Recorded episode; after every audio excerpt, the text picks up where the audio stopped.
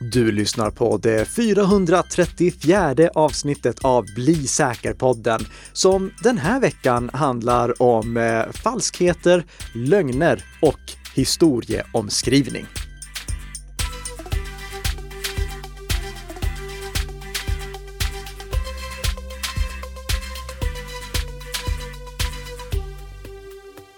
God morgon, god morgon Tess! Men god morgon, men alltså du, vad är det för, du säger? Vadå 400 avsnitt? Vi är väl på 106 avsnittet? Det är vi, men jag gick tillbaka i historien och så ändrade jag lite i hur faktan låg. Du vet, man vill justera och fina till lite, sånt som ingen märker. Okej, okay, du tänker så. Ja. Nej, men eh, skämt åsido, det här är Bli säker-podden, det 106 avsnittet av den första säsongen. När andra säsongen kommer, det vet vi inte, men vi rullar på här i första säsongen så länge som vi vill. Det är Bli säker på den som produceras i samarbete mellan Nikka Systems och Bredband2. Det är Tess och Nicka som sitter här och vi gör dig lite säkrare för varje vecka som går precis som vanligt.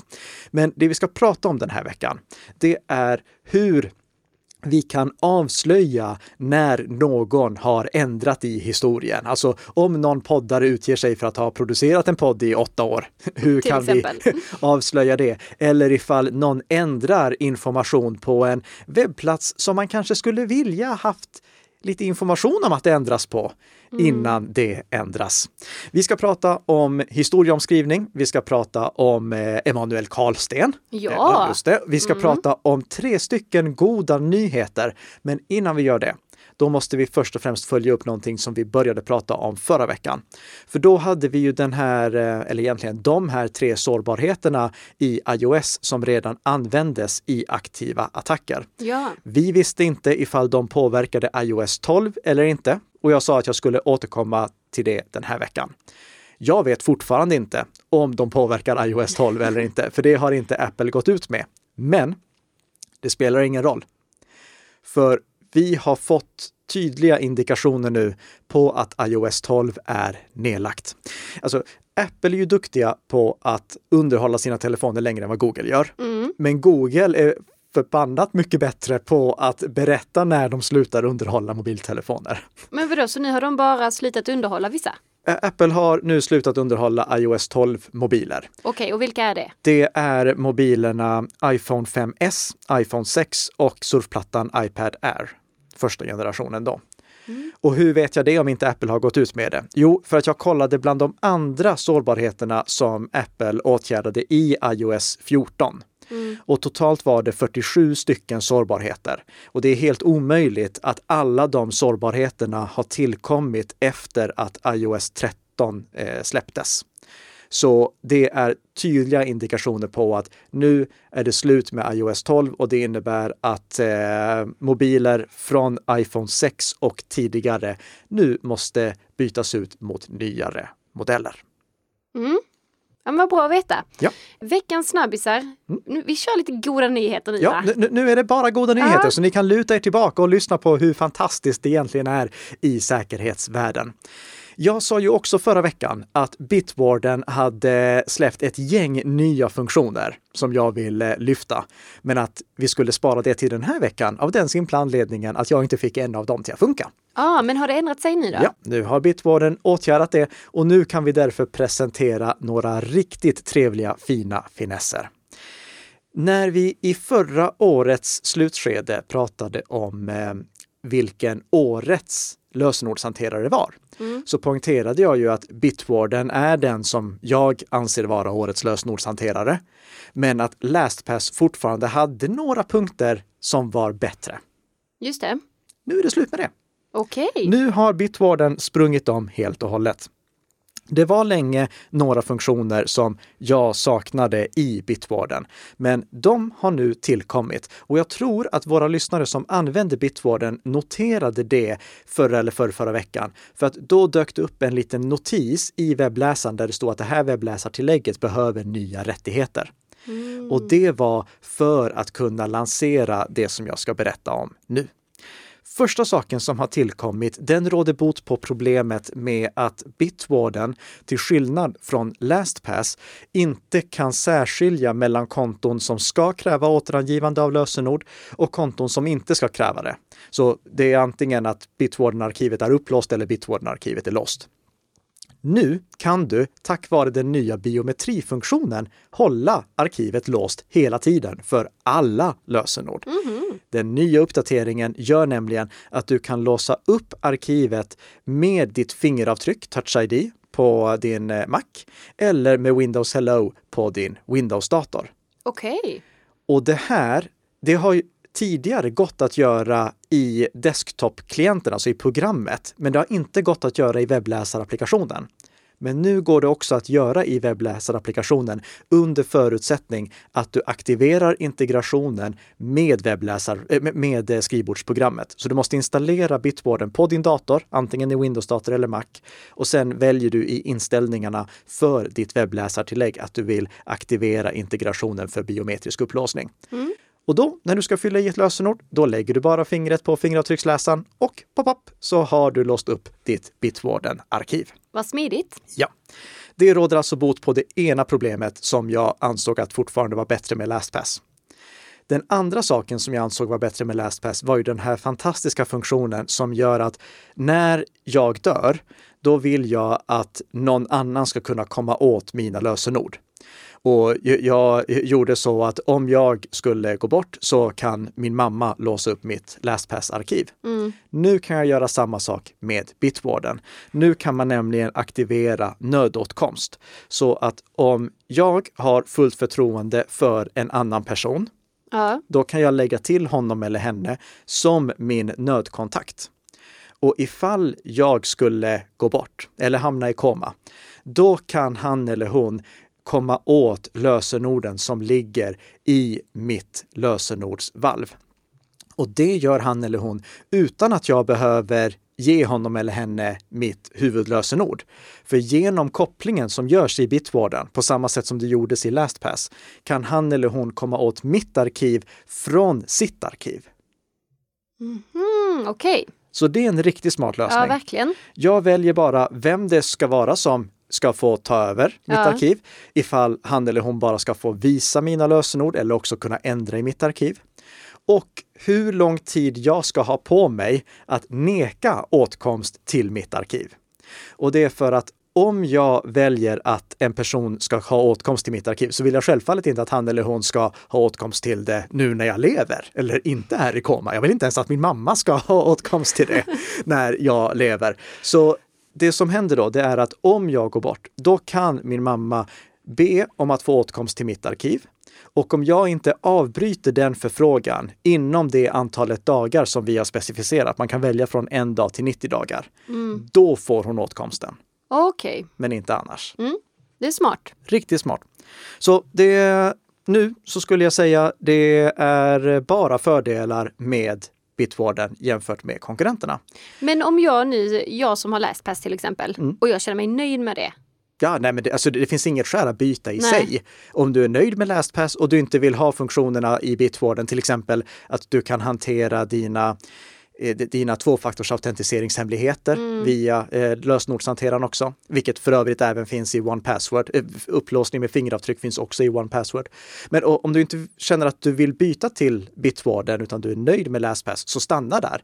Som jag sa i det avsnittet vi gjorde om lösenordshanterare som jag lägger med en länk till i våra show notes också, så finns det ingen anledning att byta bara för bytandets skull. LastPass är fortfarande bra. Det är inte så att de har blivit sämre. Det är bara Bitwarden som har blivit så mycket bättre.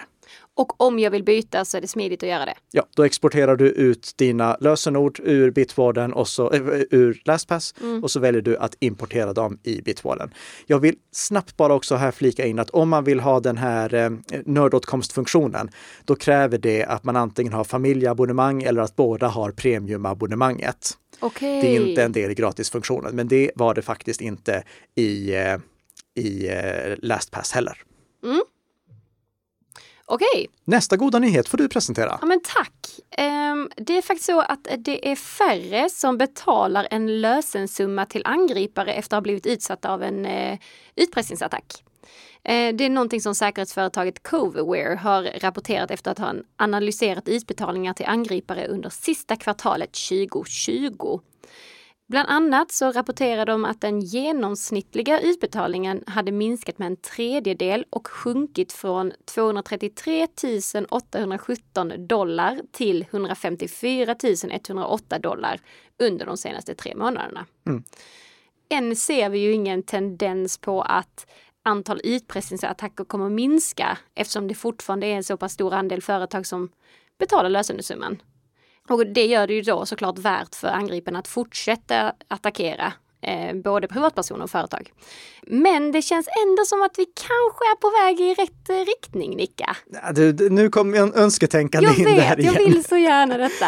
Ja, men, men det är en god nyhet i sig i alla fall. Ja, det är det. precis. det och, och det är en eh, det är en trendvändning. Med lite tur så håller trenden i sig. Ja, verkligen. Och annars blir det bara bokstavligen ett hack i kurvan. Ja, exakt. Ja. Men vi är glada för de månaderna i alla fall. Det är vi. Det är Ja. vi. Absolut. Absolut. Mm. Och nu åter till dig. Du har den sista goda nyheten här, Annika. Ja, och den här, den påverkar egentligen inte våra lyssnare. Men Nej. jag valde att ta med den ändå, för att det är en sån härlig känga till bedragare. Känner du till eh, företaget Loopia?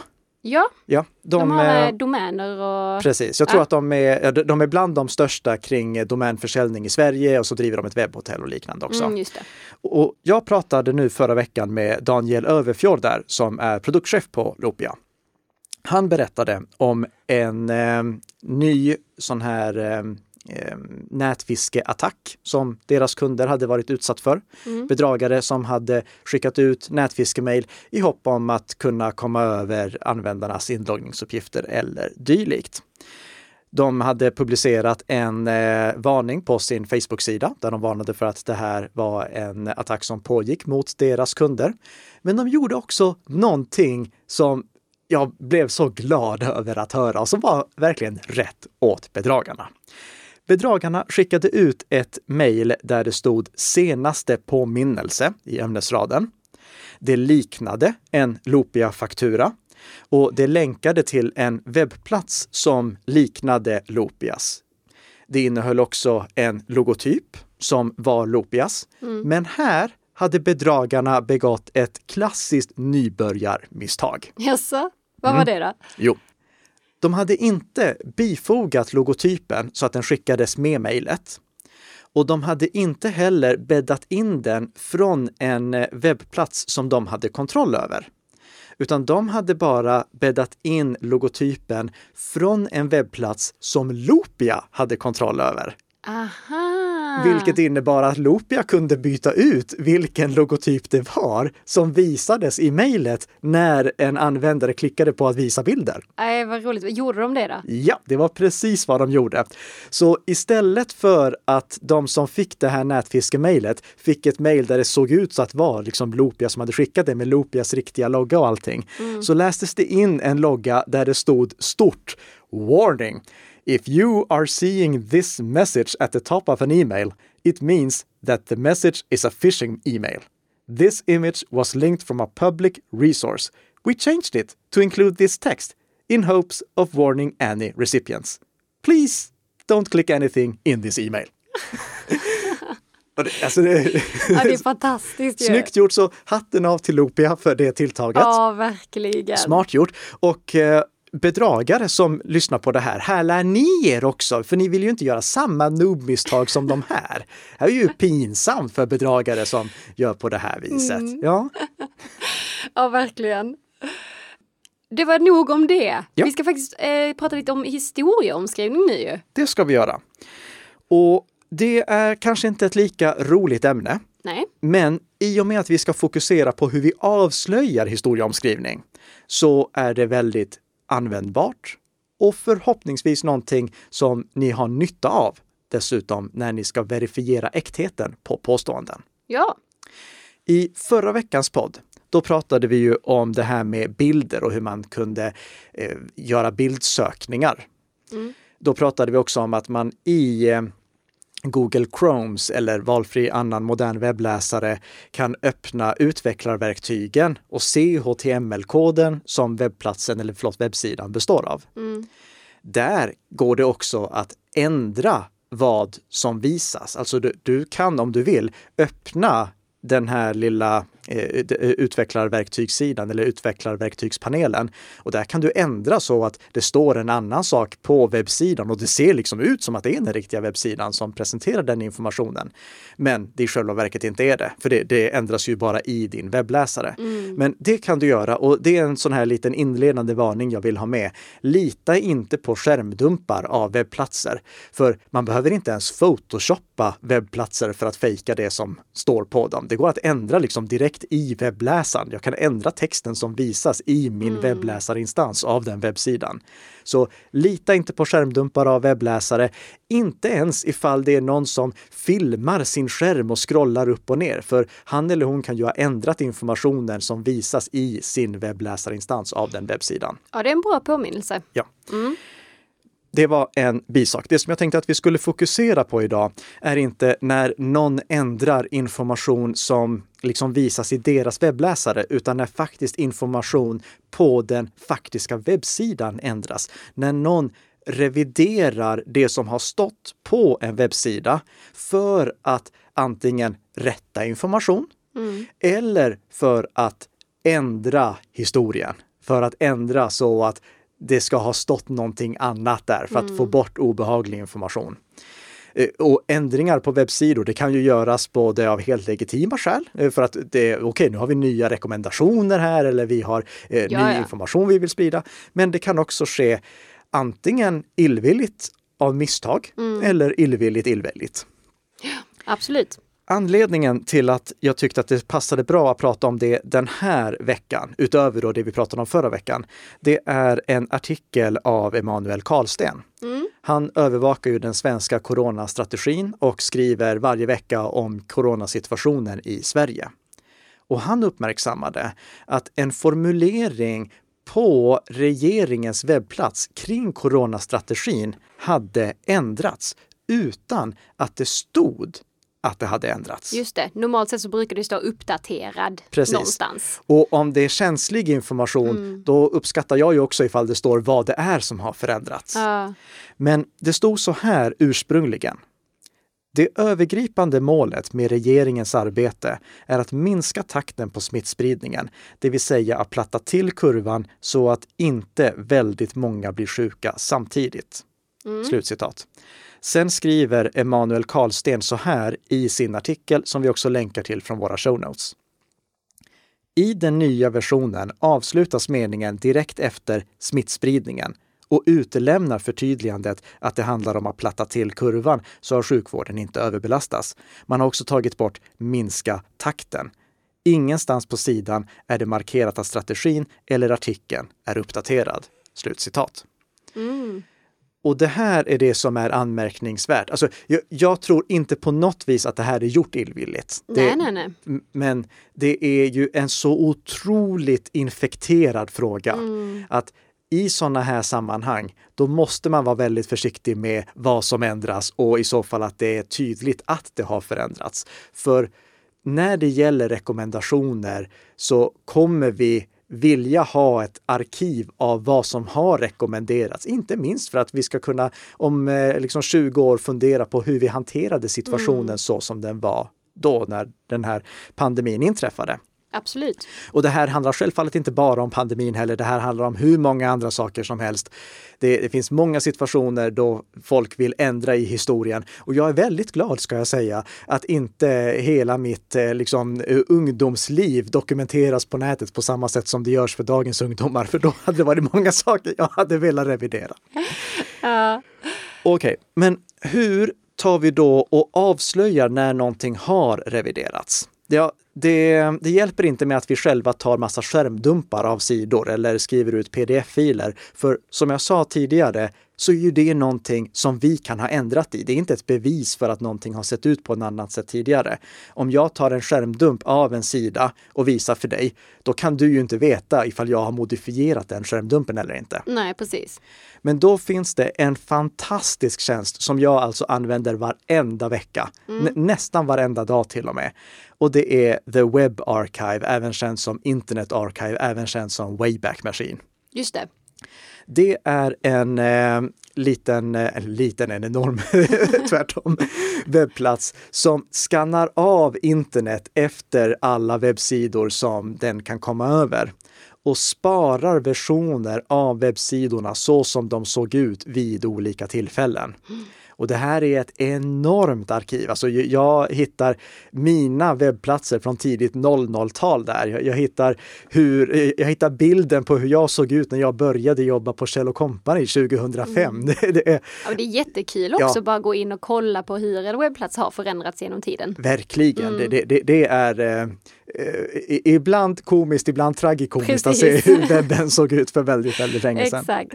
Men det, det är en fantastiskt bra tjänst, för där kan man då skriva in valfri webbadress och då kan man se hur den webbplatsen såg ut vid tidigare tillfällen.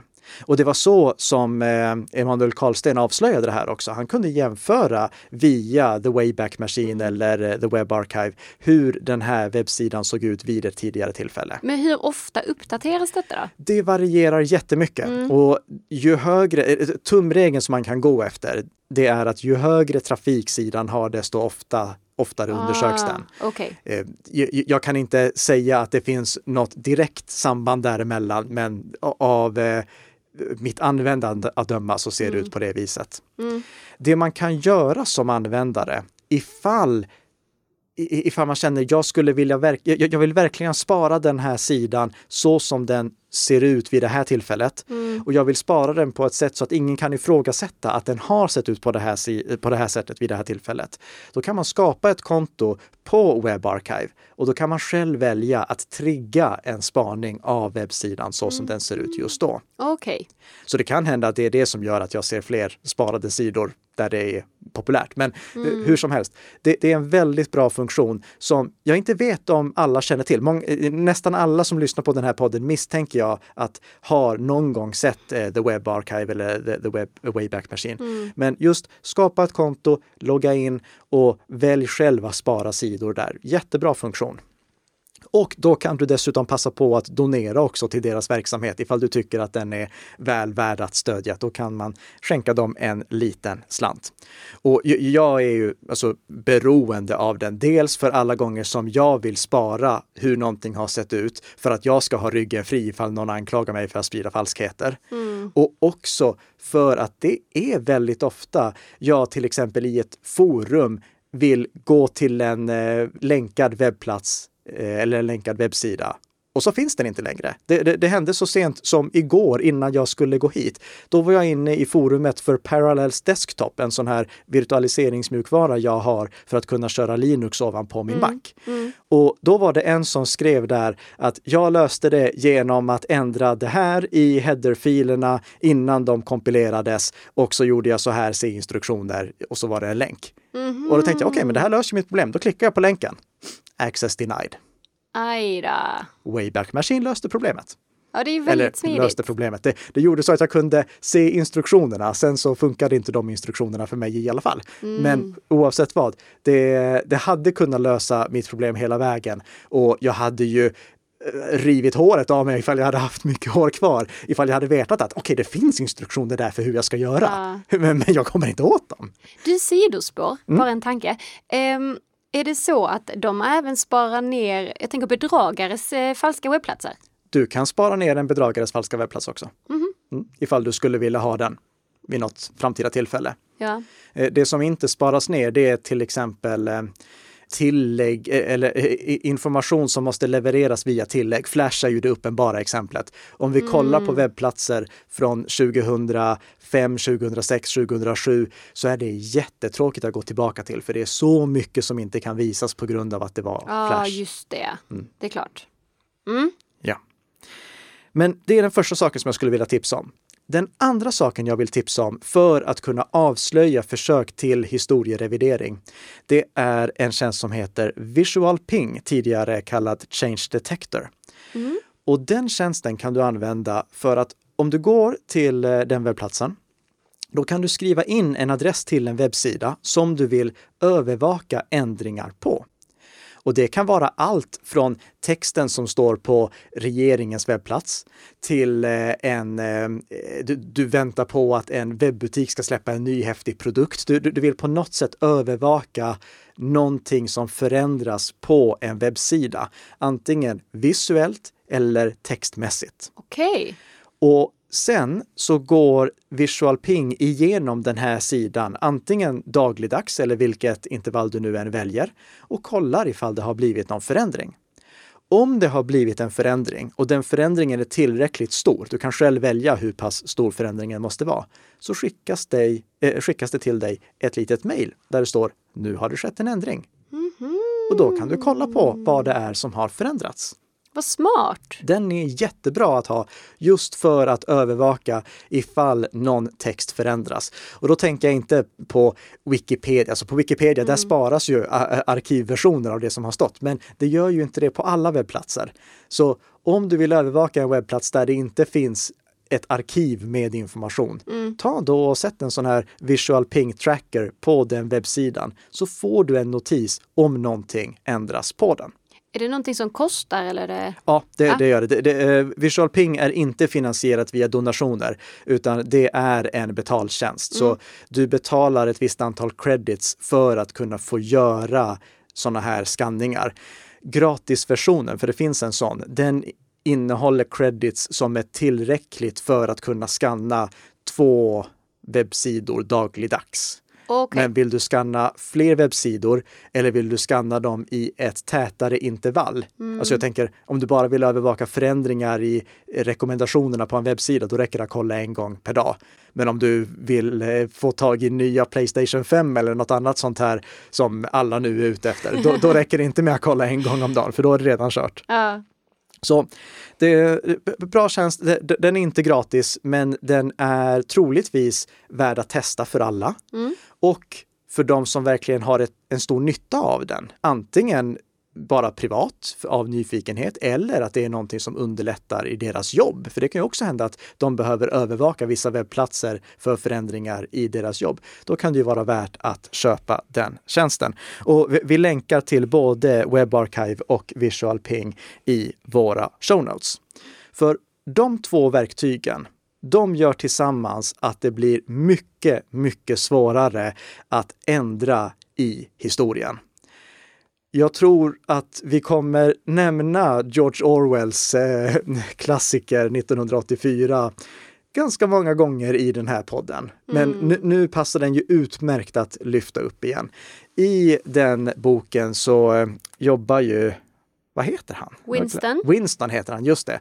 Han jobbar ju vid sanningsministeriet med att skriva om historien. Mm. Så ifall det är en person som har figurerat i en intervju i en tidning, då skriver han om artikeln i tidningen så att den personen inte finns med längre. Mm. Och om det är en person som finns med på en bild, då klipper han bort den personen ur bilden och ändrar i historien så att det som är sparat som historik är historik så som eh, partiet vill att det ska se ut i dagens läge. Oh, den är bra alltså! Det, den, är, eh, den är bra och eh, farlig. Exakt. Ja. Inte minst med tanke på, nej okej, okay, det, det, finns fler saker som vi kommer vilja referera till den i. Men här så tycker jag att med tjänster som WebArchive och Visual Ping också och Visual Pings konkurrenter, för de har flera sådana också, så förhindrar vi att det här sker. För mm. att ju fler sådana här tjänster som finns, desto svårare blir det att skriva om historien på den publika webben. Och det är den sista saken som jag vill nämna här, att allt det som vi pratar om nu, det är ju bara saker som berör den publika webben, inte någonting som ligger bakom inloggning, som ligger på deep web eller som ligger på darknet. Det kan inte de här tjänsterna användas till.